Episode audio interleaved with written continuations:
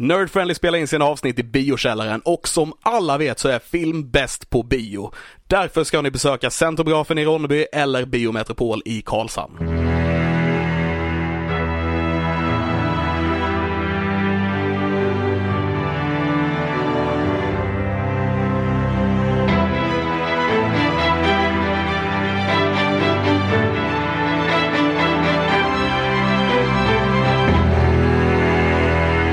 Hejsan allihopa och välkomna till dagens avsnitt utav Nerd Friendly Podcast. Nerd Friendly! Och detta är podden där vi snackar film, spel, serie, musik och allt annat nördigt som finns mellan himmel och jord. Jag heter Christian Fernlund. Och jag heter Alexander Levin. Eh, och eh, nu kom jag på detta med en gång här, så det är helt perfekt. Vi spoilar saker i den här podden. Vi snackar om saker och vi kommer förmodligen prata igenom saker som du eventuellt då är intresserad av. Och har du inte sett det senaste inom det så kan det vara en väldigt bra idé att göra det innan du lyssnar på det. Stämmer bra, stämmer bra. Eh, vi, det här avsnittet eh, blir ju ungefär som alla andra avsnitt. Ja, Med en skillnad. ja. Och det är att vi inte sett någon film den här veckan. Vi har inte sett en film eh, den här veckan. Det kan, det kan bli så att avsnittet blir lite kortare. Vi ska försöka fylla ut det med den intressanta och relevanta informationen utan att babbla alldeles för mycket. Mhm. Men det är så, jag har startat ett nytt jobb och eh, lite saker och sånt har hänt. Så det har gjort att eh, det inte riktigt funnits tiden till att kunna göra det som vi brukat göra. Vi har inte heller någon färdig historia som vi kan läsa Nej, upp den här veckan. nej. Så det, vi, vi får helt enkelt hoppa den delen. Eh, Jag tänkte bara, vi kan ju nämna att vi har ett gäng historier som är skrivna. ja, Vi har, men vi har också samma gäng där som inte är färdigskrivna. exakt. Ja. Det, det är ju det som är lite det problematiska, det är att vi har kommit en bit på nästan alla, men vi har inte färdigställt någon. Och det är ju lite intressant, för det var ju lite där vi skulle färdigställa, det var lite grunden Det, till det var där, lite därför vi började, för att vi skulle vara, Så. göra saker och ting klara. Ja, så Men, vi, vi eh, får gå tillbaka till en i taget, tror jag. Jag tror det är det. Vi får göra klart om vi har och sen så en i taget liksom, kanske. Usch vad jobbigt det Ja, det, visst, visst är det, men det, det känns liksom som att för att vi ska bli klara, eller för att vi ska komma tillbaka till det här som, ja. Så nu har vi reflekterat i realtid, det hör ni. Jajamän, ja, jag med antar att vi får göra det. Vad, vad har vi, vi skrev på fyra stycken nu va? Mm, det är jag. något sånt. Ehm, ja, så då får vi göra klart de här fyra och sen bara köra en i taget efter det. Ja, Usch, okej, ja, men eh, då kör vi på det. då kör vi på det. Eh, ja, så vi drar igång detta avsnitt helt enkelt med att hoppa över det första eh, segmentet och gå direkt in i vad har vi nördat sen sist? Vad har vi nördat sen sist? Så vad har du nördat sen sist Christian? Eh, jag har spelat ett spel som heter, för det blev gratis på Epic Game Store och kommer vara det fram till den 29 april, eh, Hand of Fate 2. Eh, som är en eh, kortleksbyggande spel med då eh, eh fighting element i sig. Och en hel del brädspelsmekanik eh, också. Eh, så du spelar som att du sitter liksom mitt emot en eh, typ eh, spåman eller sådär som berättar en historia. Och då baserat på vilka kort som du väljer att ha i din kortlek då, som du tar med dig in i den historien, så kommer det påverka hur din resa på den här äventyret ser ut. Så själva brädspelet ser typ ut som, ja det ser ut som en patiens eller så här som kort som är utlagda, så alltså har du en figur som går mellan kort och när du går på ett kort så vänds det upp. Så får du se vad det är på det kortet. Okej, Och sen så då händer det som du, som du, det kortet du går på. yes. Det är en väldigt intressant grej tycker jag, att den, den lyckas liksom trycka ihop ett brädspel och ett kortspel i ett PC-spel. Ja. Och sen då plus det att när du då kommer in i vissa event så är det encounters. Så då kommer det fiender som de måste möta. Då kommer du in i det här ytterligare tv-spelsaktiga där du, där du är liksom en, en gubbe som kan ha två korta knivar eller en yxa eller en hammare eller svärd och sköld och armor och ska slåss mot fiender. Så finns det olika slags fiender. Så det finns blight som är typ ja, med zombies och skelett och liknande. Det finns northerners som är vikingar med shamaner och du vet det finns olika vapen som är olika bra mot olika gubbar så det är också en aspekt som både hur du slåss mot dem men också vilken utrustning som är bra mot dem. Mm. Så det är väldigt mycket så här strategi i både vilka kort tar jag med mig in i spelet men också hur bra är jag på att slåss och hur bra är jag på det strategiska med vilken utrustning som är bra mot vilka fiender och synergi mellan sakerna. Yes. Så det är mycket strategi och mycket, ja, jag, jag gillar det. Mm. Va- varje, även om du kör om samma bana flera gånger så kan du liksom byta vilka kort du tar med dig in i banan. Så även fall de korten som tillhör banan är de samma, eller äventyret, så tar du, kan du ta in nya encounter cards med dig in så att du får en ny upplevelse även fall de korten är de samma. Och det, det gör faktiskt ganska mycket för hur du spelar. Ja, det låter speciellt. Mm, det är lite speciellt. Ja. Eh, sen så eh, drog jag faktiskt ner GTA 5 nu eh, häromdagen igen. Ska köra lite heists och sånt med några polare. Mm. Så det har jag kört lite, lite faktiskt. Haja till dem. Haja till dem. Jag vet inte. För jag ska heja till dem. Heja Hej, till dem. Eh, men så det har jag nördat och de två sakerna har jag har lirat sådär. Sen har jag fortsatt kolla på Drawfy, jag vet jag nämnde någon gång tidigare, som är då en konstnärs YouTube-kanal där de gör utmaningar till varandra. Typ så här rita Pokémon från minnet eller rita Disney-karaktärer som Dark Souls-bossar. Och du vet så här, de blandar mycket saker och gör utmaningar så. Det är väldigt roligt för de är väldigt kreativa och, och de har roligt när de sitter och gör de här utmaningarna. Så det är väldigt skoj. Ehm, Sen så har jag tittat, eh, jag har tittat på ett par Marvel-filmer faktiskt. Ooh. Jag vet att det var inte så länge sedan jag kollade om dem innan. Men syrran hon skulle börja titta på dem igen så då blev jag lite småsugen. Så jag har sett ett par sådana också. Sett Thor och, eh, Thor och Iron Man. Mm. Och jag är Var de nästan klar med Captain America. Nej, Jag har ju inte aldrig sett de filmerna så jag undrar. Nej, precis. Mm. Det, det är bra filmer, du borde se dem. Ah, Okej, ja. Får jag Eh. jag får ge mig in på dem. Ja, du får göra det. Mm. Får kolla på det. Vilken ordning är det man ska kolla i? ja, det, det är faktiskt en sån sak så den, den blir lite jobbig. Egentligen bara på grund av Iron Man-filmen som är jättekonstiga. Men, men alltså typ vilken ordning man ska, man ska se dem i. Alltså jag kan ju säkert rada upp dem om jag typ så här tänker länge, men det är mycket lättare att bara googla på det. Jo, jo, alltså. Men sen, sen finns det ju frågor, det är lite som Star Wars där också. Ska man kolla på dem i liksom eh, kronologisk ordning? Kronologisk ordning? Eh, eller är liksom ordningen de kom i i faserna eller ska man kolla på dem i tidsordning? Alltså du Mm. vet. Den här gången så, och det tror jag gjorde förra gången också, så tittade jag på dem i release-ordningen.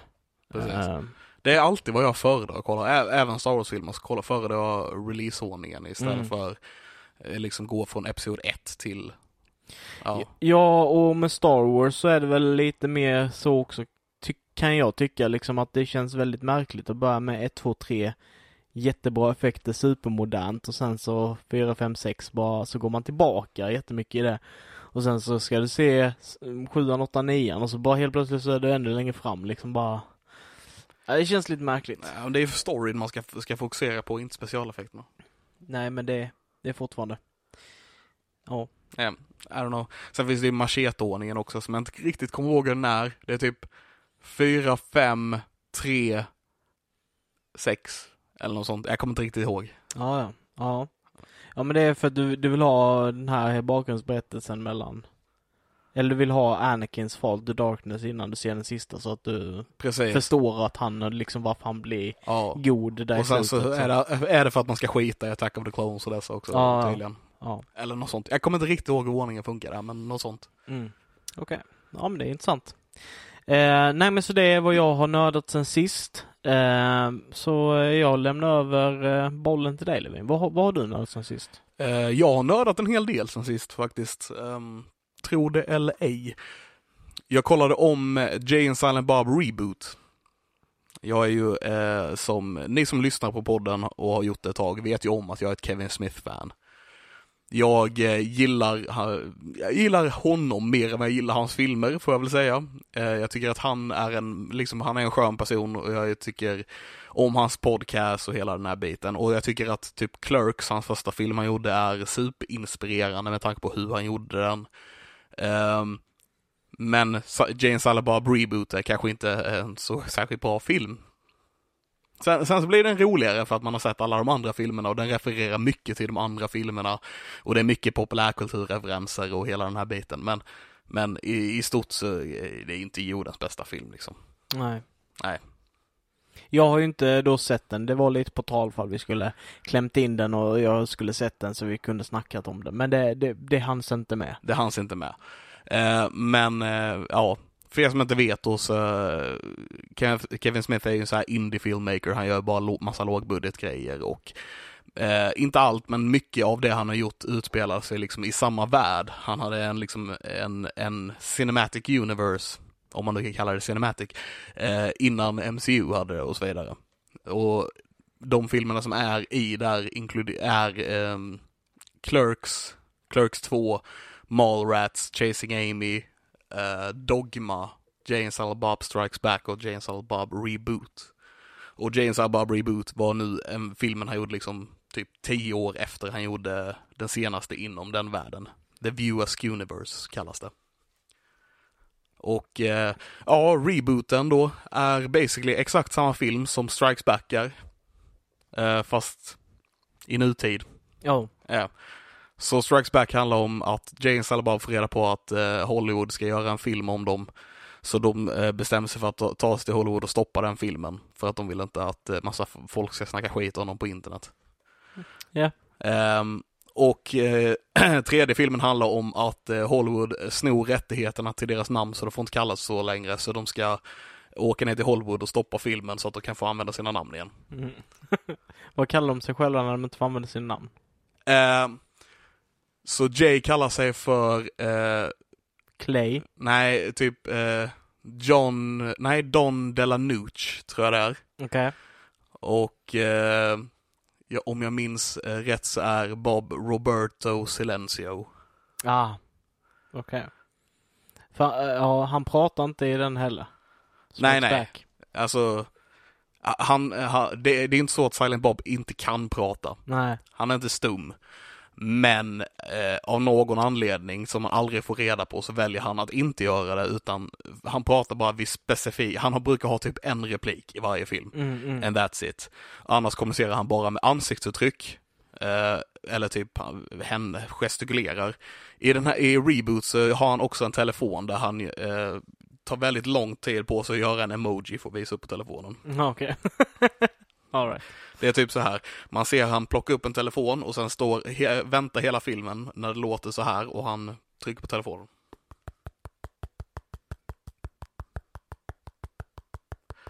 Och så visar han upp en emo- emoji på ett hjärta eller någonting. Det är, All right. det är mycket sådana skämt i den. Ja. Ja. Mycket oväntade cameos och grejer och sånt, eller oväntade är kanske inte rätt ord, men han plockar in typ alla han någonsin har jobbat med i Reboot. Så vi får eh, Matt Damon och Ben Affleck och... Jajamän. bunten. Alla, mer eller mindre alla han har jobbat med, utom möjligtvis Bruce Willis, Mm. eh, för att de kommer inte så bra överens. Men det är Okej. även typ Chris Hemsworth med i filmen och du vet, eh, sådana, alltså så här, folk man inte väntar sig. Mm. Så det är kul att han har fått tillbaks allihop igen. Sen brukar han säga att det är på grund av att han fick en hjärtattack precis innan de spelade in den här typ. Ja. Så att alla ställde upp för att de tyckte synd om honom. Ja. Och så kanske det är, jag vet inte. Ja, ja man, vet, man vet aldrig. Nej. Nej. Men ja, så den har jag sett i alla fall. Mm. Eh, jag har också kollat på en serie som släpptes på Netflix ny, nyligen som heter Shadow and Bone. Som är en fantasy-serie som eh, jag ändå får säga att jag gillar. Eh, den handlar om eh, en, en kvinna som heter Alina Starkov.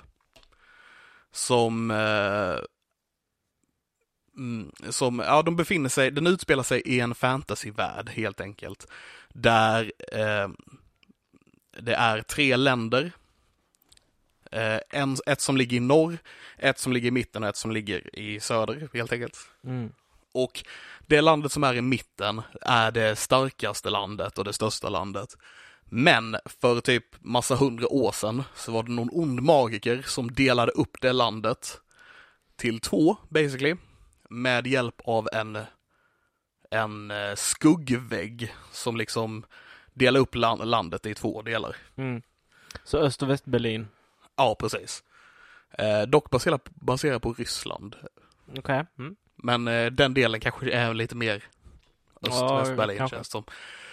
Ehm, I alla fall, eh, och i den här skuggväggen, alltså det är inte så, man kan ta sig igenom väggen och eh, de gör det liksom för att de behöver ha delar från östra och västra och folk fraktas och du vet flytta emellan och sådär. Men när man är i den här skuggväggen så bor det massa typ monster och demoner i den som attackerar alla som försöker ta sig igenom den. Och det är lite världen. Mm. Så du, du har liksom de här karaktärerna som kallas typ eh, Ja, Shadowrunners är ju redan taget, men, men typ sådana som jobbar med det och du måste hyra en sån för att de är vana vid att springa igen väggen och så. Ja, inte riktigt så. Inte? Nej. Eh, Eller det finns sådana, men eh, det är inte riktigt eh, på det viset, utan eh, i den här världen så funkar det också att vissa föds som normala människor Mm. och vissa föds som grishas, heter det. By the way så stavas det G-R-I-S eh, H-A på engelska. Och den svenska översättningen är grishor. Vilket jag, fast Alltså grishor, fast det står Grishor. det står grishor. Det låter som något riktigt hemskt man kallar någon för. Ja, Vad ditt jävla grishor. och jag, grejen är att jag, hade, jag såg det med subtitles och allt jag kunde se när de skrev grishor Mm. var ju grishor eller Mm. grishona och jag Mm. bara okej, jag det är svårt att koncentrera mig varje gång typ. Ehm, Så du stängde helt enkelt av subtitles eller? ja, jag gjorde det. Ja. Men eh, det var någonting jag reagerade på i alla fall, Mm, att det är mm. kanske är någonting man skulle ha tänkt på. Men eh, i alla fall, och eh, så vanliga människor och eh, grishas. Och grishas är folk som föds med eh, övernaturliga krafter, det är basically magiker. Mm. De kallar det för, de kallar inte det för magi för det är en enskild grej i den här världen. Utan de kallar det för the small sciences. Okej. Mm. Eh, och det är folk som kan manipulera, vissa, de verkar bara kunna en grej var liksom. Så vi har vissa som kan manipulera elementen, som vi har någon som kan göra eld och någon som kan göra luft och sådana här saker. Och sen så är det andra som kan manipulera delar av kroppen. Så typ de kan få hjärtat att stanna på en, eller så kan de hela en och du vet sådana här saker. Mm. Eh, och sen har vi eh, en som kan, eller några som kan eh, manipulera skuggor och med den biten. Och sen så har de då typ en profetia på att någon kommer födas som kan manipulera ljuset. Och det är, de ser det som sin messias kind of a thing. Mm. Mm. Så den här Alina Starkov, inte helt oväntat, eh, hon eh, jobbar i armén för det här landet och de ska ta sig igenom den här mörka muren i första avsnittet. Skuggväggen eller whatever. Mm. Och de blir attackerade av de här monstren Mm. och Chocker.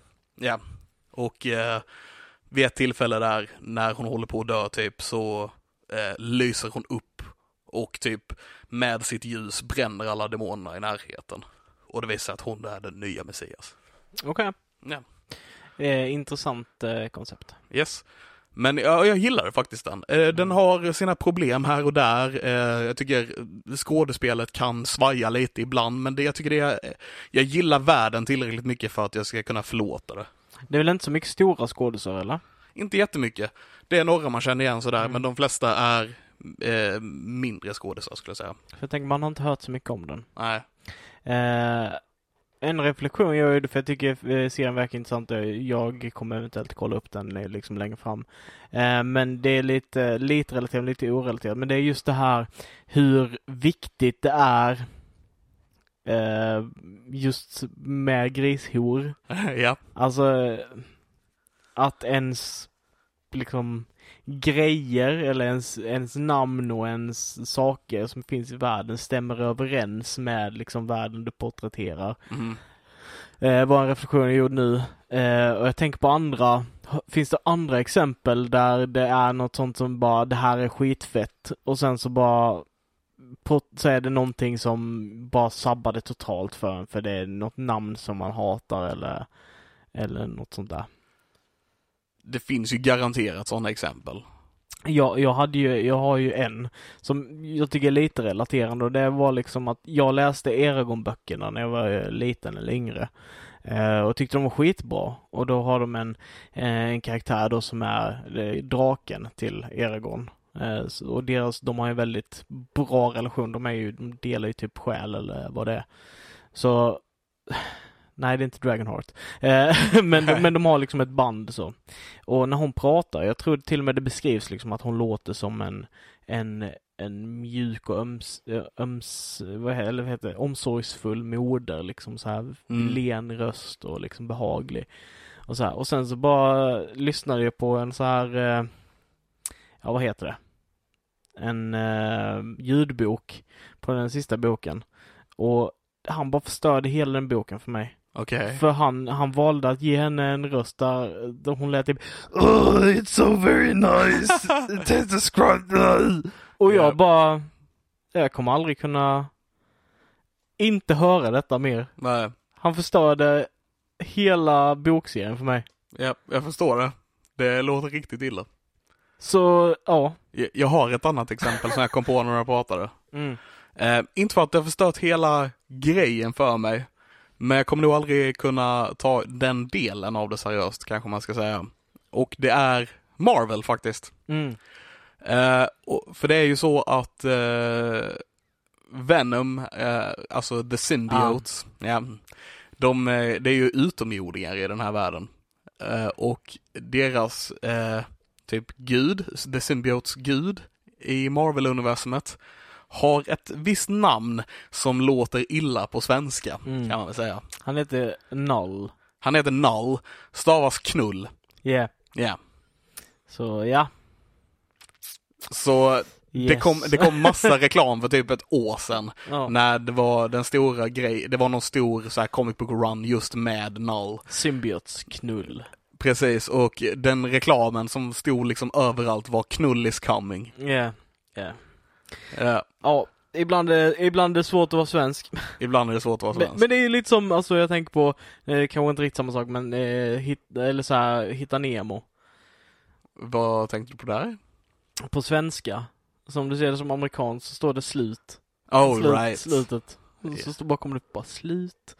Men, ja, på engelska bara står det slut när då filmen slutar. De bara what the fuck. Ja, Ja. ja.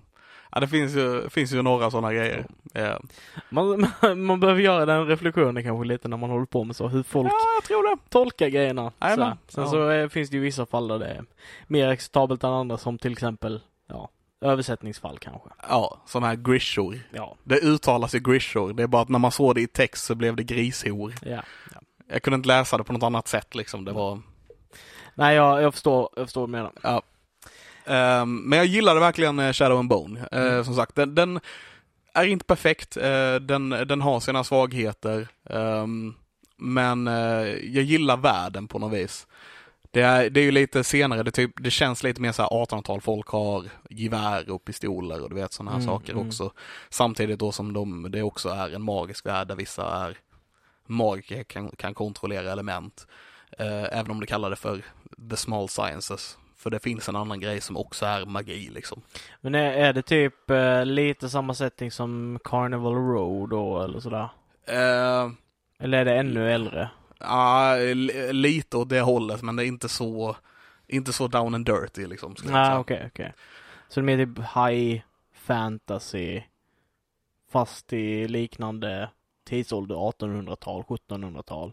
Kinda. Ja, Eh, men inte så mycket magical beasts and stuff. okej. Ehm, förutom de här monstren och, och demonerna. Och eh, grishonor. Och gri- eh. grishorna. Ja. Ehm, men eh, ja, nej jag tyckte, jag tyckte det var lite intressant story med för det är så att eh, de har blivit lite uppdelade så grishorna är typ, eh, de kallas för the second army, eller the first army? Jag blir lite osäker i det här landet nu då. Så att de har blivit typ en military force kind of a thing. Och jobbar för staten och så här. Mm. Och landet i norr eh, som kallas för fjär, fjärd, Fjärdinge eller något sånt där.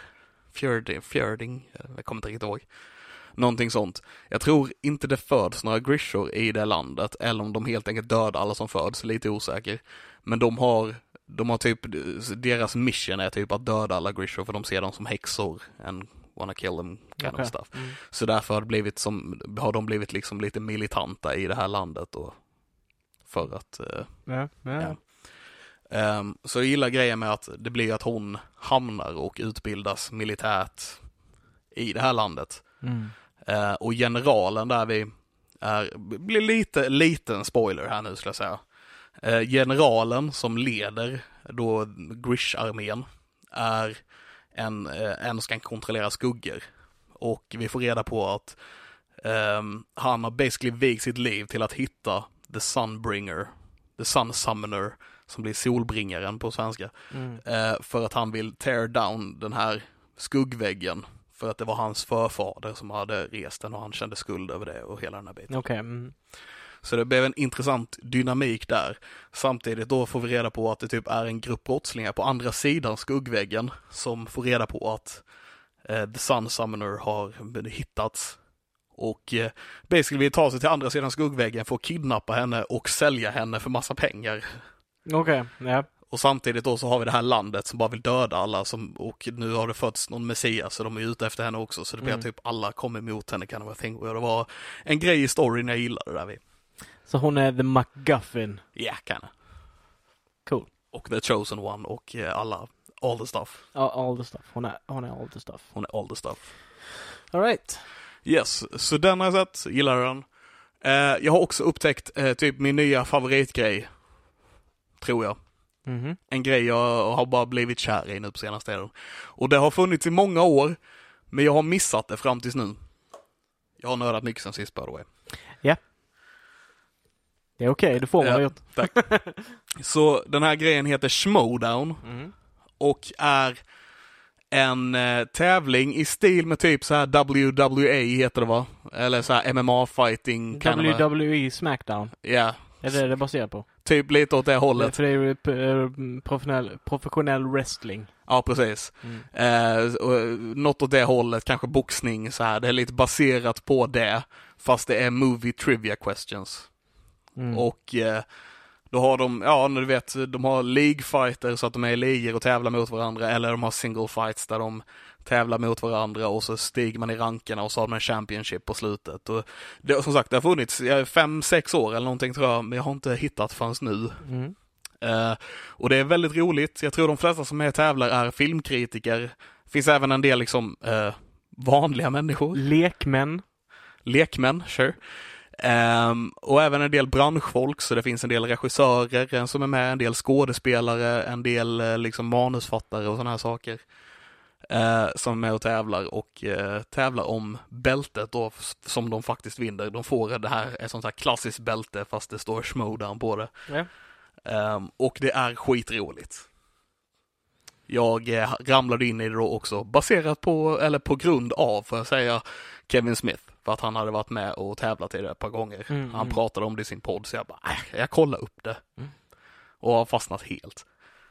Eh, men vi har också eh, skådespelare som Sam Levinson som har varit med i jättemycket grejer. Eh, Freaks and Geeks, How Met Your Mother and stuff. Som är tävlar, eller Sam Witwer som har varit med i Smallville och han gör rösten till Darth Maul i de animerade serierna och massa sådana. Så det det är liksom branschfolk man känner igen som är och tävlar och sådär också. Mm, mm. Väldigt kul att kolla på. Mm, ja, men det låter det som. Ja. Det låter nice. Sitter man där och liksom försöker gissa på svaren samtidigt som man ser dem tävla och ser liksom hur bra är jag på film faktiskt egentligen och du vet sådana saker. Mm. Och jag känner att jag hade nog fan kunnat vara med och tävla i detta. Tror du det? Jag tror det. Mm.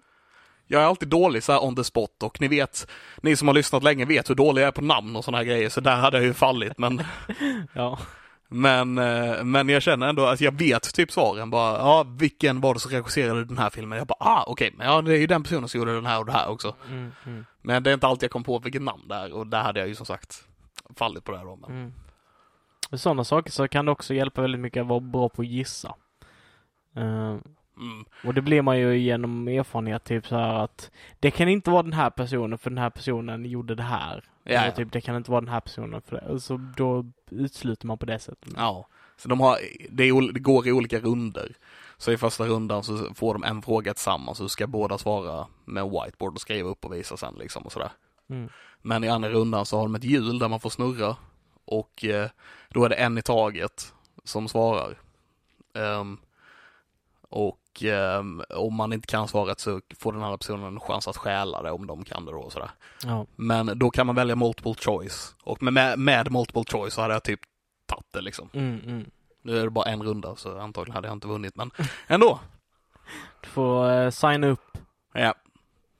Det är väldigt roligt i alla fall. Se till att, eh, eh, vad heter det, prenumerera och på vår Facebook och eh, lyssna på alla våra avsnitt så att vi kan skicka Levin på Schmodown i framtiden. Ja, snälla gör det. Mm. Jag hade fan varit the champion. Ge mig, ge mig chansen att vinna bältet i the schmodown. Säger som vi brukar säga på, eh, som avslutning då, så säger vi att Ja, eh, se till att dela detta med era vänner om ni tyckte om det. Om ni inte tycker om det så dela det med era fiender. Just det, precis. Mm. Ehm, ja, och i natt har jag suttit, suttit uppe och kollat på Oscarsgalan. Mm, mm. Men jag funderar lite på, ska vi, ska jag prata lite mer om det på nyheterna kanske, vilka det är som har vunnit sådana här saker? Jag tror det låter rimligt. Mm. Men eh, det är ju en annan grej jag har nördat, så jag, jag är lite seg idag känner jag. Mm. För att eh, det var ju från två på natten till fem på morgonen. Eh, nu såg inte jag slutet faktiskt, för jag blev helt enkelt för trött och sändningen fuckade ur lite på Oscarsgalan där visade jag och då var jag trött och förbannad och sket i det och gick och la mig istället. Men Mm, ja, men jag har stannat upp och kollat på det i natt. mm. Och det är nog vad jag har nördat sen sist. All right. Eh, men då eh, är det dags för MCU-hörnan. Eh, och den här veckan fick vi eh, säsongavslutningen av eh, Captain Falcon and the Winter Bucky. Falcon America och Winter Soldier. Ja. Ja. Eh, och vi, fick, ja, vi fick som sagt säsongsavslutningen utav den. Eh, och nu framöver så är det väl en veckas glapp, va? Innan Loki börjar. Jag tror vi kommer få någon sån här behind the scenes grej på Falcon Winter Soldier. Just det, det eh, fick vi på från, eh, från WandaVision. Så jag tror vi kommer få det här också. Eh, och sen så får vi eh, eh, The Bad Batch. Som är en Star Wars-serie som kommer vara nu emellan. Okej. Mm. Och sen får vi Loki i juni. Ja, så var det. Jag tror det är så. Så det blir lite Star Wars-hörna här ett par veckor då. Ja, och då får du göra ljudeffekten för det. Bzz, bzz, bzz. Okej, du kan göra bättre än så. Piu, piu, piu, piu, piu. Eh, vi får se. Ja. Nej, jag vet inte. Eh, men eh, så vi har i alla Eh, ja, så vi har, vi har helt enkelt sett det och vi får se hur det blir framöver. Men det blir förmodligen som du sagt att det blir någon sån här återberättande grej och sen blir det Star Wars och sen som du sa i juni Loki i serien. Då blir det Loki-serien. Eh, men som sagt, sjätte och sista avsnittet av den här säsongen av eh, Falcon and the Winter Soldier. Och det var ju, det var ju eh, högspänning från, från början till slut där. Lite så. Det var, det var ett bra avsnitt. Mm. Jag, har- Och- jag och har... Ändringar som, eller så här, lite twister, eller de valde att gå vägar som jag inte väntade mig och det var väldigt kul att se. Ja. Och det var också sådana vägar som jag inte tyckte om. Mhm, mm, mm, Kan jag säga. Mm. Men det... Ska, jag- vill du att jag ska säga vad det var för väg också? Ja, absolut. Kör. kör. Eh, så den vägen jag inte tyckte om som de gick riktigt var med Captain America. Mhm, mm. Eh, jag gillar hur den slutade, eh, den vägen så att säga. Men Mm. eh, jag hade lite problem med att han bara så här, bara tappade sin rage helt plötsligt. Eh, och eh, alla bara accepterade det. Och det var liksom ingen som, trots att han stod där och bara hade dödat någon med The Shield och det var blod över hela skölden för något avsnitt sen. Mm. Så var det liksom ingen som sa någonting utan bara folk gick bara runt och skämtade med honom för att de, han bytte, han var på rätt sida igen kind of a thing. Vet du Mm. vad jag menar? Det störde mig lite grann. Mm. Ja, jag, jag, ehm, jag, jag köper det. Eh, Men sen så, å andra sidan, i liksom, Bucky är en krigsveteran från andra världskriget. Han har förmodligen sett vänner, kompanjoner och fiender gjort mycket värre saker än att slå någon med en sköld tills, de, tills det kom blod. Sure, sure. Eh, och eh, alltså Steve Rogers, han har ju också varit en del utav det, använt eh, handelsvapen under andra världskriget sådär också, så jag tror Absolut, men här handlar det ju mer om att det var det symboliska med att använda skölden med att fucking, fucking hugga huvudet av någon. Ja, Eh, och just att han har varit ett ja, rage-monster som eh, Tony Stark kanske hade sagt. Eh, Men, och sen att det bara, liksom, det bara släpptes direkt och jag hade hellre, jag tror jag hade hellre hade sett eh, den här scenen när man ser att han vänder. Eh, när, för då får han chansen med att den här lastbilen med alla människorna är på väg ner för på väg ner för huset där vi och det och sen ser man att hon, Carly, springer åt andra hållet. Och han står och liksom försöker välja med vem ska han springa emot. Mm. Jag hade, och han springer mot eh, lastbilen och försöker ta upp den igen. Jag hade hellre sett det som att han kollar åt båda hållen, springer mot lastbilen, typ, plockar upp någonting från marken och kastar mot Carly. För att han inte kan släppa sin rage där vi liksom också. Mm. Um, så att vi hade fått en luring på det. Att vi hade fått se han springa mot lastbilen och tänkt att åh, han är på väg att bli god igen, kind of a thing. And then så liksom så bryter han upp det genom att plocka upp någonting från marken och liksom gå efter Carly i alla fall. Där vi, att vi hade fått en luring på det viset hade jag nog hellre sett där. Mm. Ja, nej, det var ju typ det som jag väntade mig lite, att han inte skulle kunna släppa sin ilska så därför tyckte jag att det var en ganska nice twist att han, att han faktiskt eh, lyckades liksom komma förbi. Oh, Den här för, för jag väntade mig att han skulle släppa den och därför Mm. jag blev, blev jag besviken när han gjorde det också. Mm. Ja, det kanske var eh, efter vad vi har snackat om, liksom att du nästan väntade mig att han skulle vara en bad guy sådär, Ja. eh, i fortsättningen. Nu dock så med tanke på hur hans, hans ark slutade i den här Mm. serien så kanske vi ska vänta oss att han blir en bad guy också. Det blir kanske lite mer av en eh, anti-villain, Kanske det, kanske det. eh, typ så. Jag bara med tanke på vem Contessa är och sådär tänkte Mm, var min mm. tanke. Ja, absolut. Eh, och vi fick även en confirmation på vem The Shadow Broker är. Och det är ju Det, Carter. Powerbroker. Power Broker är det, just det. Ja, precis. Också lite besviken på att det är hon som var the powerbroker. Mm. Men eh, Ja, alltså det är ju det är väldigt weird med tanke på alltså historien som hon har. lite så. Det är liksom inget vi har inte fått någon som helst förklaring men det bygger de väl upp för att man ska vara lite nyfiken sådär men det känns vä- väldigt märkligt att det är liksom Carter som har den historien som hon har haft och liksom vad hon har varit med om och hur hon har hjälpt och vilka organisationer hon har varit med om. Eh, så vad har hänt under de här fem åren? Mm. Hon, hon är, ja, i och för sig så hon har ju varit utelämnad utav sitt land och inte kunnat återvända. Absolut. Och, Man, man, jag, jag kan köpa att hon har liksom sett the dark side och eh, gillat vad hon har sett. jag Eh, tror, tror snarare att hon har överlevt och sen så i den överlevnaden så har hon tappat förtroendet på eh, det gamla systemet och eh, Ja, ja. Typ så. Och, som sagt, och jag kan köpa det. Men eh, det var mer det var mer att det jag inte gillar med det, det kanske är en jättedum grej egentligen, men det är så här att hon var ju typ det kändes för obvious att det var hon som var the powerbroker. Mm. Det kändes som de hintade om det så mycket i serien så att vi skulle få, och jag hade hellre sett det som en misdirect, menar jag. Alltså, Hon var ju favorittippad för att vara the powerbroker typ. ja. Men sen ska man ju inte göra sådana saker för subtila heller, alltså. Nej, nej, det är klart. Det är bara jag som bara hade velat ha lite mer twists and turns i den här serien överlag, tror jag. Lite mer Mm. så att man hade mer att spekulera på. Så lite som vi hade i WandaVision. Men så, som du sa också, det här är ju en Captain America-film. I know. Alltså fast den är i en serieformat typ. Ja. Och Captain America-filmer brukar inte vara twists and turns and weird shit. I don't know. Att det är Hydra som är Shield var en ganska stor twist, till exempel. Sure. Det var det Eh, faktiskt. att, att det var Bucky som dödade Tony Starks föräldrar var också en...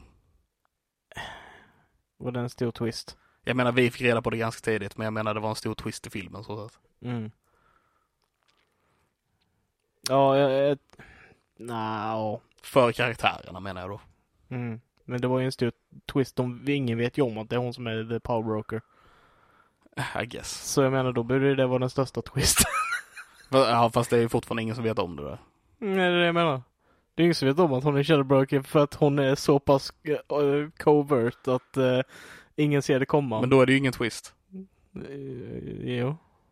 För att ingen vet det ännu, så det är ingen, twisten har ju inte kommit ännu. Nej, vi har Nej. fått den här Oh my god, du förrådde oss, hur Ja. kunde du? Ja, nej precis. I thought I was your friend. Nej, jag vet inte. Jag, det var någonting jag, som inte riktigt klaffade för mig där i alla fall. Mm. Ja, okej. Ja. Men å andra sidan så fucking älskade jag eh, Buckys nya suit. Att han är Captain America nu. Buckys, du menar Nej, eh, eh, Falcons menar jag. Ja. Sams. Jag gillar med det. Ja. Eh, vi diskuterade lite vad det skulle vara liksom och, och ja, det var en ny Captain America ut med, med vingar. Ja, precis. Och i så här två sekunder så var jag besviken på att ja, han har vingar för jag tyckte symboliken var när de slet av han vingen och nu har han utvecklats kind of a thing och som vi pratade om i förra avsnittet. Mm. Men när jag såg hur han använde vingarna så bara ah fuck that, that's amazing. Mm. Nej men det, det är lite så, han, han har ju inte, han har inte the super soldier serum och de vill eh, inte ge honom det heller. Alltså, Nej, såhär, nej. Han, han har tycker inte de vingarna. ska ge han det heller. Nej, han, han klarar sig alldeles utmärkt utan det liksom. Ja, precis. Vi får se han går toe to toe med någon som har the serum. Eh, och sådär. Fick vi. Mm, han slåss ju mot eh, Kali. Han var visserligen stryk av henne. Ja. Men han slåss ju med henne liksom nere i, ja. Right, right, right. marken. Där vi. Och Men det- det, det- han vill ju inte slåss mot henne. Nej, han, han, han bara skyddar sig. Men där ser vi till exempel, han tar ett slag med, med skölden och trycker ner vingarna i liksom betonggolvet för att stabilisera och du vet så här. Ja. Så det är väldigt coolt. Jag gillar den här typ skölden han gjorde med vingarna och så höll han upp skölden högt mitt uppe på så att han blev som en liten boll typ och fick en helikopter på sig och det var ingen fara för att he's amazing. ja, lite så. Ja. Eh, nej men så jag, jag, jag diggar den. Jag eh, tyckte det var fett weird att eh, den här franska hit, mercenary, eller hitman, att han sen bara slåss med honom lite, sen puttar bort honom och sen bara rovar och sen bara hoppar han ut genom fönstret, sen ser vi inte honom mer.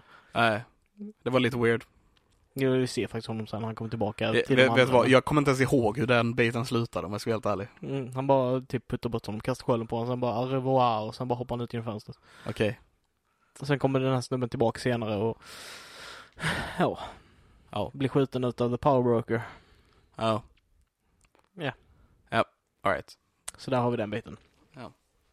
Eh, jag vet inte jag Jag tyckte att den var väldigt, eh, om jag ska säga någonting negativt då, så tyckte jag att den var väldigt kluddigt klippt. Mm. Eh, många av fight-scenerna, så det var väldigt så här gick för Mycket. snabbt och väldigt mycket Ja. klippningar liksom. Eh, så det var svårt att hänga med. Och sen de mörka delarna liksom, för de var ju på natten, blev lite för svårt att urskilja vad det är som händer här liksom och sådär. Så jag tyckte det var lite tråkigt på de bitarna. Mm. Men helhet tyckte jag det var ett riktigt bra avsnitt. Jag gillar som du sa suten, den är suten och sådär. Eh, jag gillade faktiskt Buckys eh, avslut. Alltså som han fick i den här serien och vi ser liksom han blir lyckligare eller så. Han, han Ja. kommit lite till ro. Ehm, och de bitarna gillar jag. Samma sak, jag gillar att Isaiah fick på något sätt upprättelse. Det här med att han hamnade på museet. Ja, ja. Ja, alltså jag fick en liten tår i ögat får jag säga. Ja, ja. Jag tyckte det var, Och- alltså det var lite vad jag väntade mig skulle hända. mm. Men samtidigt så var det så fint när man väl fick det på något vis. Ja men precis. Jag gillar också Sam när han bara skäller, skäller skiten ur de här senatorerna liksom. Ja. På väldigt, alltså inte, han är inte över dem på något sätt, han är inte under dem heller. Han bara är en medborgare som säger sina åsikter på grund av att han har skölden så har det mening liksom. Ja. På något sätt. Eh, och ja, jag vet inte, jag, jag tyckte också det var riktigt, riktigt nice. Men den har väl några väldigt fina moments också i all sin action det här avsnittet. Eh, som jag tyckte det var typ fint när eh, precis efter eh, Sam har liksom pratat med senatorerna och detta och eh, han går tillbaks mot Bucky och Bucky kallar han för Cap och liksom Mm, dunkar mm. han på ryggen och du vet vad sådana här moments där han bara ja hjärtat smälter lite grann och, Mm, mm. ja. Ja, nej jag, jag gillade Captain Falcon. Captain and the, Falcon. And the Wil- Winter Soldier. Falcon America. Falcon America. Det funkar ju med Fal Falcon America. Falcon America. Ja, nästan Captain America. Det låter lite för likt. Ja. Känner jag. Ja. Eh, nej men så... Jag, Såg du att de döpte om serien? Mm, nej. Captain America and the Winter Soldier. Ja. ja. Stod det sen. Det tänkte jag inte på. Ja, och de avslutade det med att eh, det var texten, istället för Falcon och Winter Soldier så var det Captain America and the Winter Soldier som Mm. dök upp där. Också nice. Och end-crediten vi fick var eh, den nya suiten. Han Right. var... The Black Captain America suit. Ja. Där han är, vad var det han kallas, agent? US agent. US agent. Mm. Undrar ifall det är eh, typ in, lite så här, jag, vet- jag vet inte, jag har ingen aning om hur det fungerar i comicsen. Men typ det enda som jag vet som heter agent är Agent Venom. Right. Vet inte om det har någon koppling. Nej, inte jag heller. Men jag vet Men det hade varit fett om, om Venom kommer in och han blir Agent Venom. ja. jag vet att han, hans, eh, hans namn i comicsen är US agent också, så han fick sitt riktiga namn här, kind of thing. Okej. Mm. Eller han, eh, han, han heter ju såklart, vad är det, John Walker, vad är det va? Mm. Eh, på rik, alltså, Texas Ranger. det är ju hans riktiga namn egentligen. Men eh, US agent är vad han kallas i comicsen, om jag inte helt fel. Mm. Okej. Återigen så tyckte jag att eh, Julia Louis Dreyfus, tror jag hon heter, Mm. eh, stal scenen hon var med i. Mm. Hon bara äter upp eh, platsen i scenerna hon är med i. Jag gillar det. Så jag tror det är, ja hon, hon är bra, alltså hon är duktig och sen så är det ju också hur karaktären är skriven tror jag. Ja, hon är ju skriven som att ta mycket plats liksom. Mm. Så, och det hjälper ju till, men det blir på något vis kombinationen med hur den karaktären är skriven och eh, castingen helt enkelt. Det Mm. känns som en väldigt bra casting för hon tar verkligen, hon, hon tar sin plats där. Mm. Och det gillar jag. Ja, riktigt bra. Ehm, ja, finns det någonting mer eh, intressant att säga? Om just detta avsnittet. Jag tror, jag tror nästan inte det. Jag, jag vill bara slutligen säga då om, om just de här bitarna runt omkring att jag blev positivt överraskad de första tre avsnitten. Det var tredje som det började lite så här uppåt. Men så här Mm. fjärde, femte, sexte, sjätte har verkligen varit liksom det stora i den här serien. Om du då inte räknar med, vilket man absolut borde göra, eh, de här kopplingarna till rasism som etableras tidigt.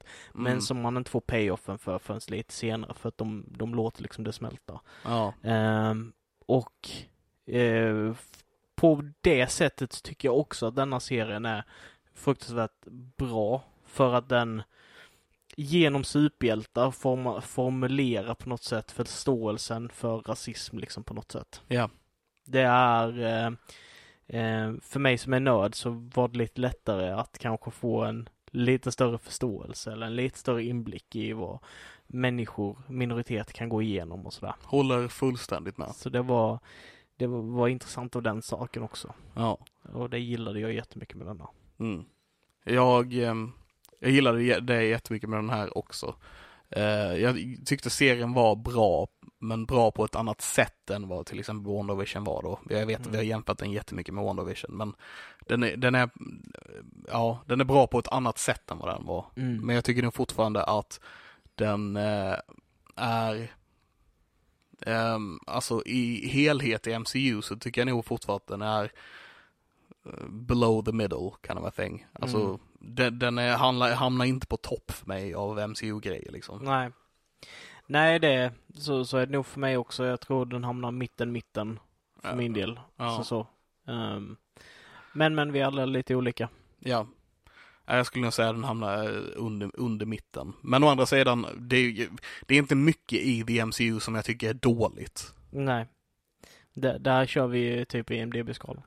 Uh, nej men alltså det, det är så om man skulle, om vi skulle sätta röst, eh, sätta liksom, vi skulle ju inte kunna sätta en uh, under en sexa typ på en enda MCU-film. Nej, Förutom Hulken. Mö- möjligtvis Hulken. Eh, men alltså, det är nog inte någonting i, ja, Hulken kanske, kanske får en jag har inte funderat riktigt över det här innan, men en fyra, femma där omkring. Mm. Men annars så är det nog inte någonting i MCU under en sexa. Nej. Eh, och det, det gör ju liksom att när, när man säger då liksom, ja ah, Captain, eller så här, Falcon and the Winter Soldier, att den ligger på en medelplats, då är det ändå Då är det ändå en ett bra sexa, betyg. sjua liksom. liksom, som är- den minst hamnar på då. Ja, det är ändå ett bra betyg. Det är bara att det är inte lika bra som annat i just den här Nej. grejen. Ja. Så det blir lite snev, snedvridet ja, på grund av det. precis. Eh, ja, har du, har du någonting mer du vill säga? Nej, jag tror jag känner mig ganska nöjd med, eh, med Falcon America and the eh, Winter Soldier. Där. Win- Winter Bucky? Winter Bucky. The, the Bucky Soldier. The Bucky Soldier. The Bucket Soldier. Jag såg förresten, när vi ändå är inne på detta, vad är det han heter? Anthony... Eh, han spelar Sam. Anthony Mackie. Anthony Mackie. Eh, där han pratar om eh, varför Hollywood ser ut som det gör idag. Eh, och han, hade, han var av åsikten att superhjältefilmerna har dödat eh, eh, filmstjärnorna. Okej. Eh, han menade på att han menade på att folk går inte till bion för att se till exempel Ja, vi ska se den nya Schwarzenegger-filmen eller vi ska se den nya eh, av stora skådespelarfilmen liksom. Nej, nej, okej. Utan det, det är liksom så här bara, du går till eh, bion för att se Captain America eller du går till bion för att se Iron Man och du går, alltså, och Nu handlar det mer om det här. Förr gjorde man det för att se skådespelarna, men nu är det mer för att se eh, the franchise eller the, the characters. Precis. Och han sa att det, det dödade lite utav det som var speciellt med Hollywood förr och typ så här. Det var väl vad han menade. Och eh, kan se vad han menar. Jag, eh, och håller väl delvis med. Det var lite som Scor Scorsese sa för ett par år sedan också med att så här superhjältefilmer har dödat cinema. Var ju Mm, hans mm, grej. mm. För att nu, vi får liksom inte ehm, vi får inte fin cinema längre på det här viset utan folk går inte till bion för att kolla på en film som jag kommer inte på något bra exempel, men som eh, Goodfellas eller något liknande så. Alien 1. Ehm, kanske. Men eh, mer, mer alltså, eh, men Goodfellas. Jag kommer inte på några exempel, fan vad hemskt. Uh, Uh, Gudfadern. Behöver inte vara just maffiafilmer, det var bara för att jag pratade Men- om men Scorsese tror jag. Ja men alltså anledningen Men, varför jag eh, sa Alien är för att det introt till den filmen är ju 40 minuter. Ja, jo jag vet. Och den är, jättelångsamt. det är ju en mer konstnärlig science fiction film kan man tänka. mm. Men, eh, men folk går inte på bio för att se mer konstnärliga filmer nu då, utan man går dit för att se, eh, för att få en ride, för att få en berg och dalbane eh, se- upplevelse, Mm. var ju vad Scorsese menade. Mm. Och att superhjältefilmer har förstört cinema på det viset. Bio är ju mer spektakel. Ja, Alltså, och jag tycker inte det är någonting fel med det. In, personligen. nej Alltså, nej, för- men, jag, jag, men jag förstår han, vad han menar med det, Mm. menar jag.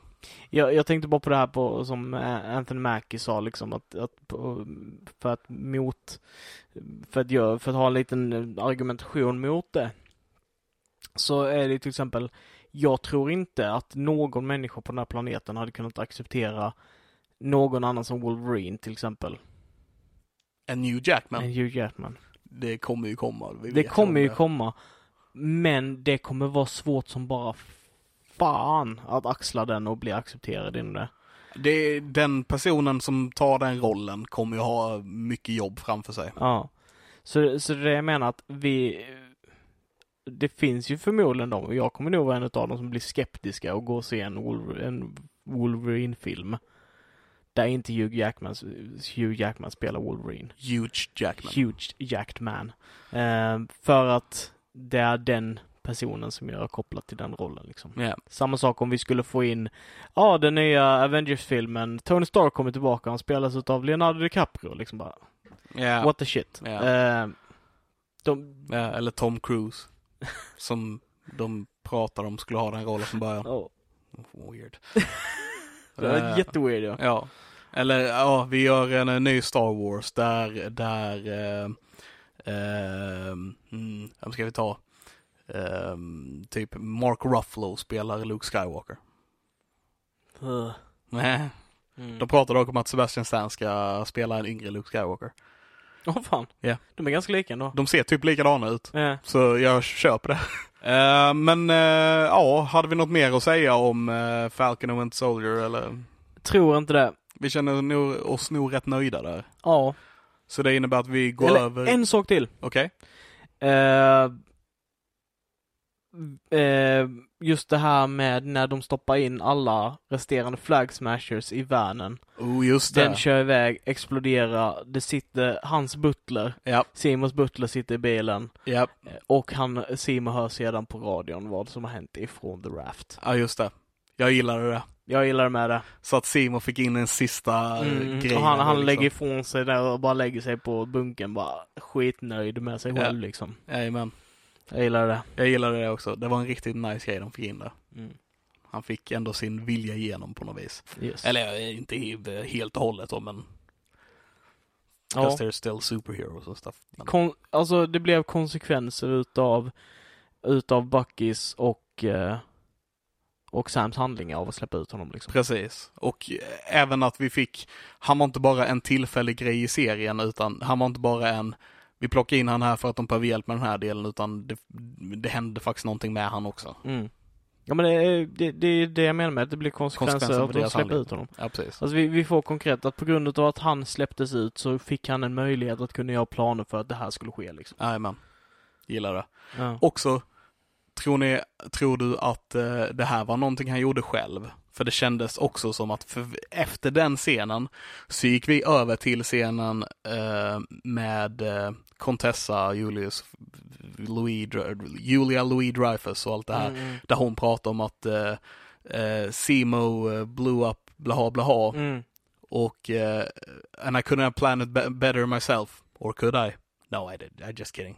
Or do I? Did I? Mm. Och du vet, så här, hon fram och tillbaka. Mm. Tror du att hon var involverad på något vis i det?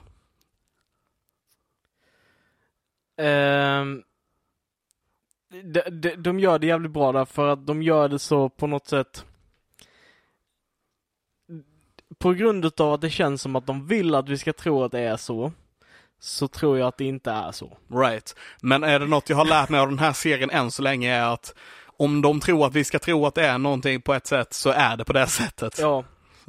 Eh, så, så jag, jag vet ärligt talat inte. Men vi, vi, Okej, så Carter är the power broker, eller är hon det? Eller ja, ja, ja det var hon. Haha. Så jag menar, Men, men jag tänker att Ja. det, det, det de vill visa där är ju helt enkelt att hon inte bryr sig. Nej. Kanske. Alltså att det är mer att, haha, Simon mördade fyra personer. Ja, jag hade kunnat göra det om jag ville. Men jag ville inte. Eller vill jag? Eller vill jag?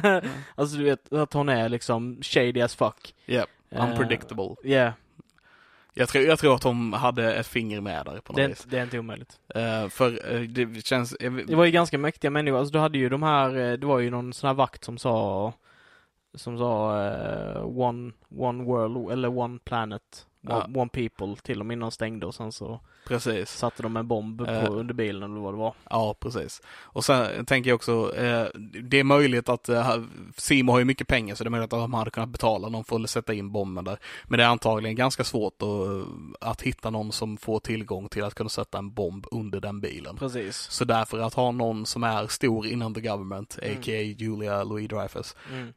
kan, hon kanske behövde vara med där för att lyckas liksom få in den där, var min Och tanke. Där är det också det intressanta hur den här, fast den här nya organisationen där man liksom har rotat ur korruptionen ur staten och liksom bara det har varit viktigt att liksom bli av med den biten sen Hydra och, och Shield och så här. Så har vi då Carter Mm. som the power broker som nu har lyckats komma in, in i där, ja. amerikanska regeringen igen liksom. Blivit, fått en full pardon och, på grund av hennes historia och sådär. Men, Yes. ja, nej, men det är intressant. Jag tycker det med. Eh, nu taggar vi inför eh, Bad Batch och Loki och alltihopa. Jag måste säga att jag är sjukt taggad på Loki-serien. Ja, det kan bli kul. Jag tror den, den ser väldigt bra ut på trailern. Mm. Men vi går vidare till nördnyheter.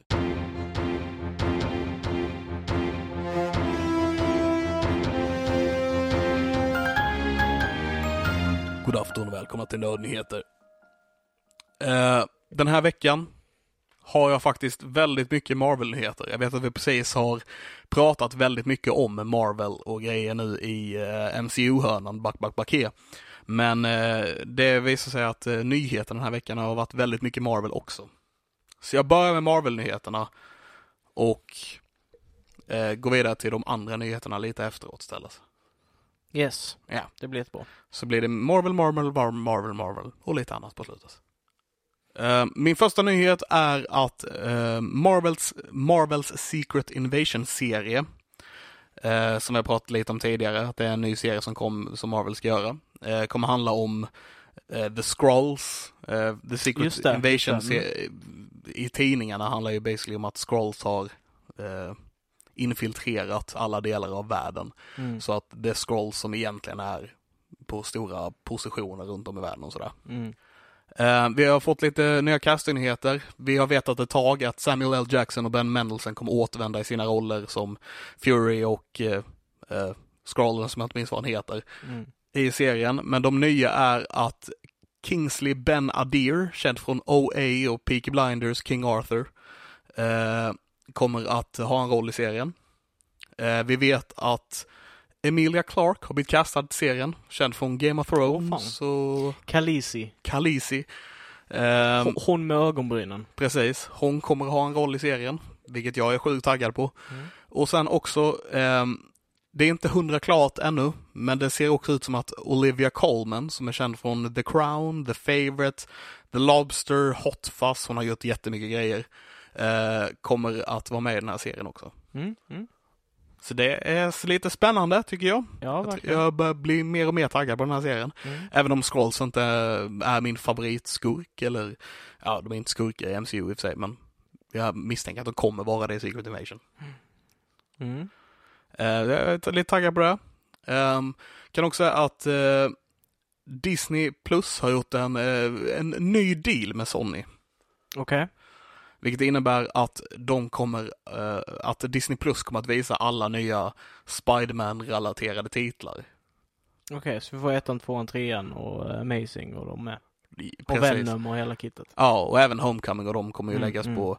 Även Morbius och alla, Just det, just det. alla de nya Spiderman-grejerna kommer att visas på Disney+. Plus. Och det tror jag är en positiv grej, för det kom, betyder nog att deras samarbete liksom växer. Så jag tror vi kan se positivt till Spiderman, Tom Spidermans framtid i the MCU med Mm. detta också. Det känns som ett gott tecken. Och Sony har ingen egen streamingtjänst va? Jag- Än Vem, så länge. vem vet? Nej. Det, Ehm. med alla streamingtjänster som kommer, jag har inte koll längre. Någonting som jag läste by the way, och jag vet inte om det stämmer, men, men, eh, men jag bara spontant låter rimligt. Typ att efter Netflix annonsade så kom ut liksom och folk började liksom Ja. eh, prenumerera på det en gång i månaden liksom sådär. Så sjönk, och Spotify då också, så sjönk liksom fildelning och typ nedladdning utav illegal musik och sånt där. Hur mycket som helst, alltså typ till rekordlågt, alltså riktigt lågt. Eh, Jag tror det. och sen när alla de här jävla streamingtjänsterna bara börjar poppa upp överallt så du behöver prenumerera på typ fem, sex stycken olika för att få tillgång till utbudet som du behöver för att kunna kolla på, på det du är intresserad av. Ja. Så har det ökat igen. Jag köper det Radikalt. helt och hållet. För det, det är för mycket streamingtjänster nu. Det, Det- är så att ja, jag börjar det- bli irriterad på det. Det, jag håller med. Ja, de borde liksom hitta någon slags gemensam eh, grund att stå på det här. Jag vet Mm. inte. Ehm, för det är, fan, man har inte råd att ha alla jävla streamingtjänster. Nej. Nej.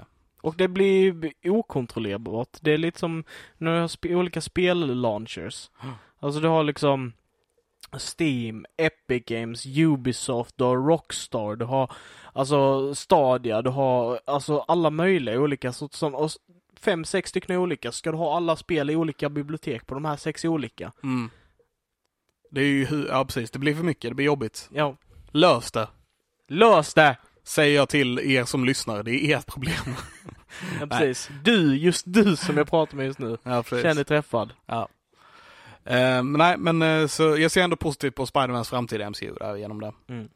Ehm, och eh, sen också kan jag säga då baserat, kanske borde börjat med den här kände jag nu. Det här kanske borde varit den första nyheten efter vår MCU-hörna. Okej. Men det är ju då att vi får en Captain America 4. Mm, mm, Med vår nya Cap confirmed liksom i huvudrollen. mm. Så det kommer bli Anthony Mackie som är Captain America i Captain America 4. Jag läste dock att det finns rykten om att Steve Rogers ska vara med i den. Eh, Jag har också eh, hört att det, det finns rykten på det som Mm. sagt. Och eh, troligtvis kommer det antagligen vara flashbacks eller så kommer han vara Old Man Cap i den, i den biten då.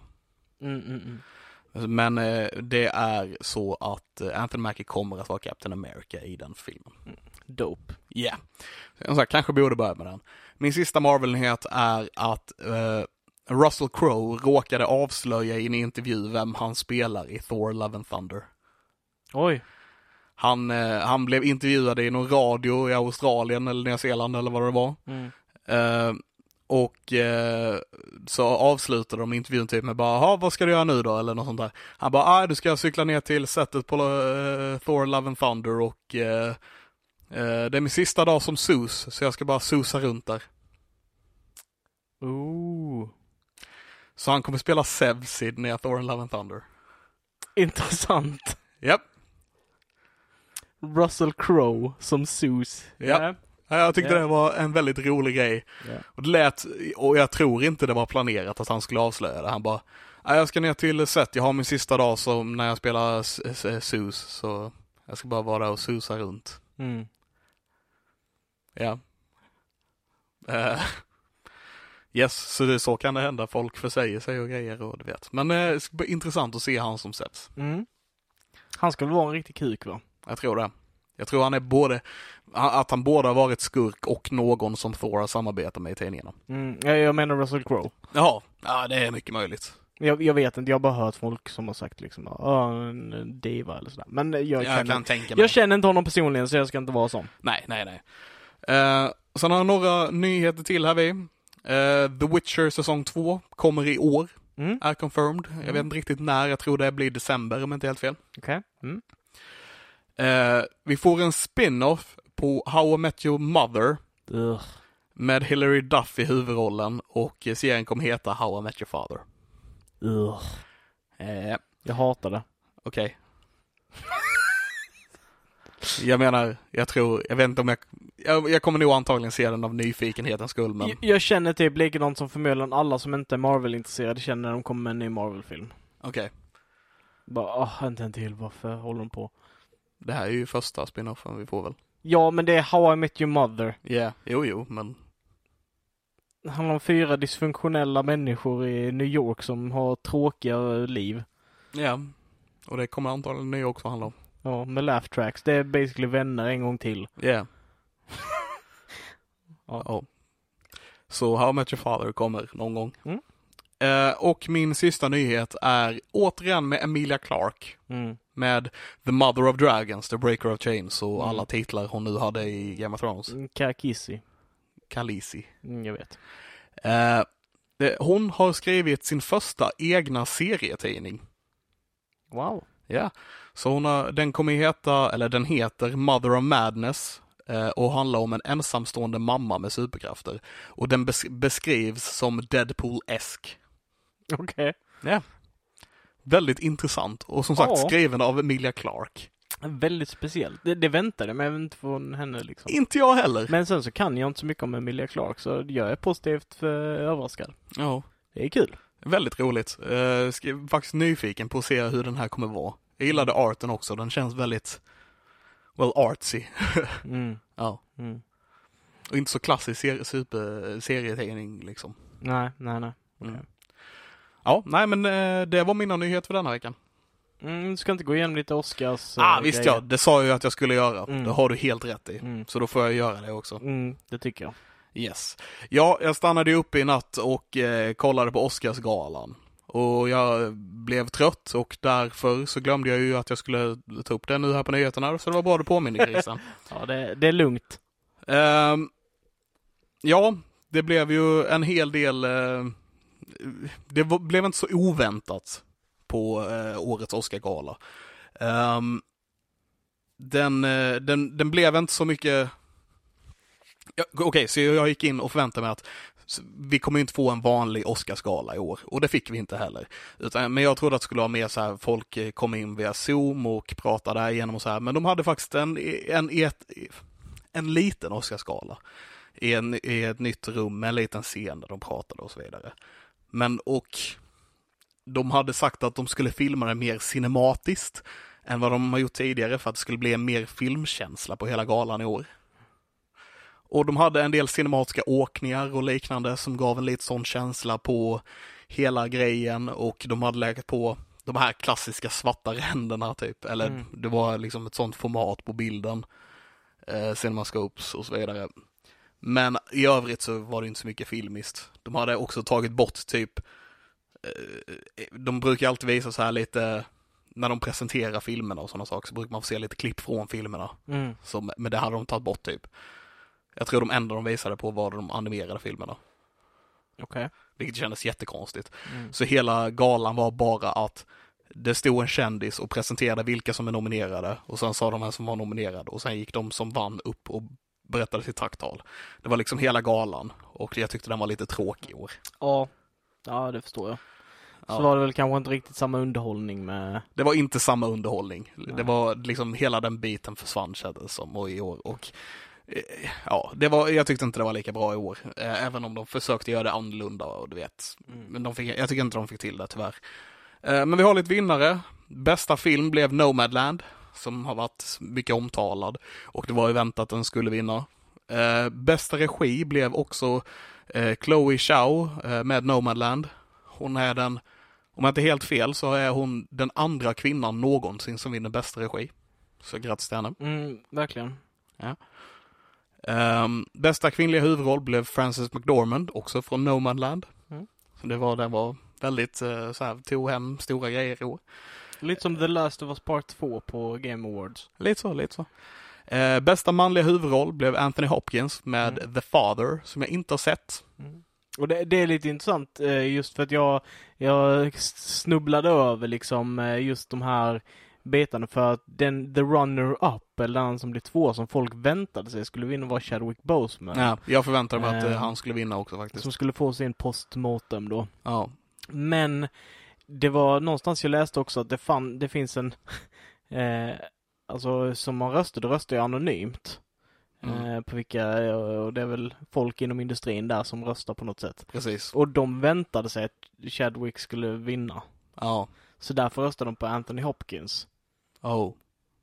Okej. Så att det finns en, att folk antog att Chadwick skulle vinna så därför röstade de på Anthony, eller, ja, Ja, jag förstår vad du menar. ja, Mm. istället. Ja, Och på grund av det så gick Anthony Hopkins förbi och vann. ja. För det var ju otippat för honom, honom också. Han gjorde ju en intervju, eller han gjorde ju en videotackning där han tackade så mycket och där han också gav eh, ja man pratade om... Han pratade om Chadwick Boseman och Precis. g- gav honom en hyllning i sitt tacktal där liksom och så med. Ja. Eh, Jag tror, jag tror det var, alltså alla förväntade sig lite grann att, han, att Chadwick Bo- Boseman skulle vinna där. Mm. Och eh, han hade ju definitivt varit förtjänst av vinsten. ja, Men, ehm, menar du med Black Panther då eller menar du med någon annan? nej Vad- men det var för, ehm, eh, ja nu tappade jag. Han var ju nominerad för en annan film. Mm. Jag har nog inte sett den. Men eh, jag menar, han är en duktig skådespelare. Eh, Var en duktig skådespelare. Mm. Och eh, ja, han har, han har förtjänat att liksom ha sitt namn skrivet där menar jag. Mm. Jag, jag har ju bara sett honom i Black Panther Ja. så. Eh, men nu blev det Anthony Hopkins i alla fall för The Father. Bästa kvinnliga biroll blev Yu Jong Yoon från, för Minari. Bästa manliga biroll blev Daniel Kaluuya, som också är Black Panther by the way, Mhm. eh, för Judas and the Black Messiah. Eh, bästa originalmanus blev Promising Young Women, vilket är intressant också. Eh, hon heter, eh, ska vi se här, em Emerald Fennell tror jag hon heter, om inte helt fel som hon som har skrivit den. Hon var en skådis i The Crown samtidigt som hon skrev manuset och hon var dessutom, eller hon, ja precis, hon var skådis i The Crown som hon skrev manuset och hon var gravid när hon regisserade den och de gjorde filmen på 23 dagar och du vet, det var mycket kaos kring det och sådär. Men eh, eh, ändå blev den så pass bra då så att Mm. de vann bästa originalmanus, vilket är väldigt roligt. Mm. Eh, bästa manus eh, på annan förlaga var The Father. Bästa originalmusik var Själen, Soul. Mm. Eh, bästa originalsång blev Fight for you från eh, Judas and the Black Messiah. Och eh, bästa internationella långfilm blev eh, En runda till från Danmark. Mhm. Vilket är lite kul så att vi, någon här från Norden igen, Mm. vann. Mm. Så jag tror de gick om oss i, i eh, antal vinster i den kategorin nu. Mm. Mm. Jag tror det stod 3-3 innan och nu är det 4-3 till Danmark där. Fy, så kan vi inte ha det. Nej. Också, han hade väldigt rörande tacktal tycker jag. Han, regissören där, eh, Vinterberg har jag för mig att han heter.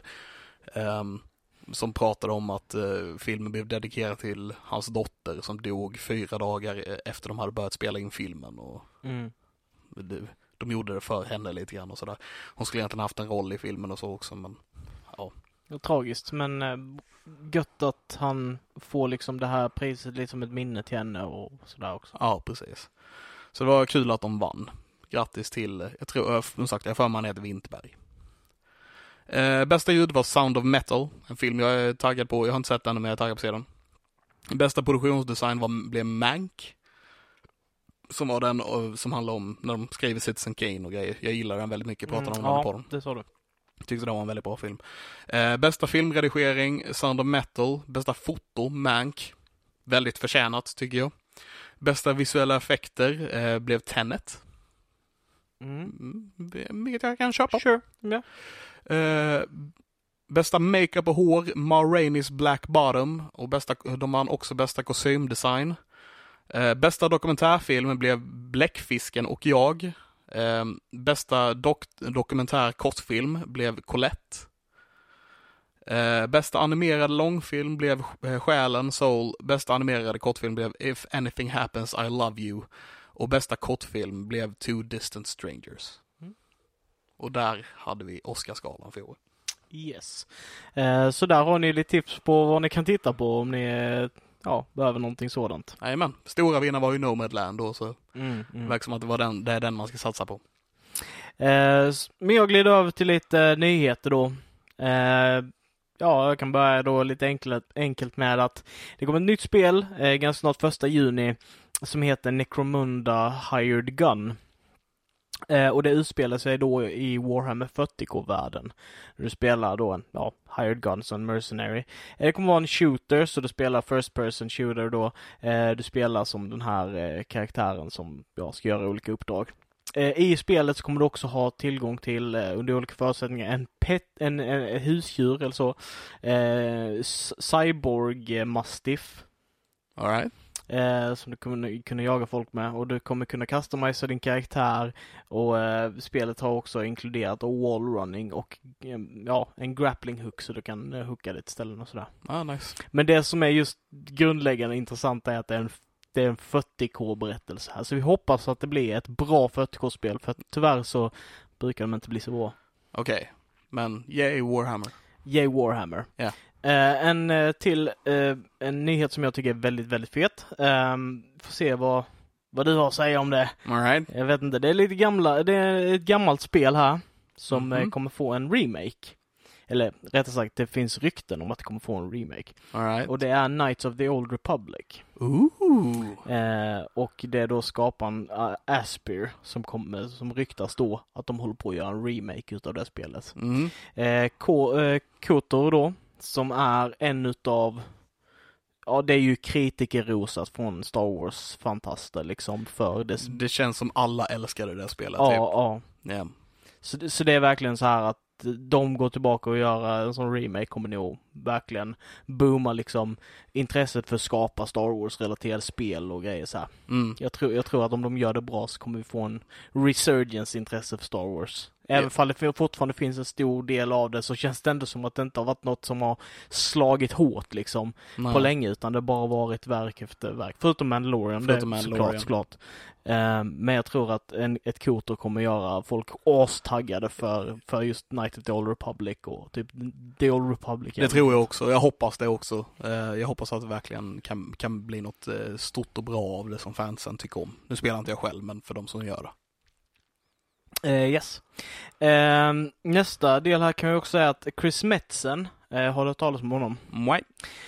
Han är en spelskapare, han har jobbat på Blizzard i herrans massa år. Han slutade där för, tror det är fem år sedan eller någonting sånt där.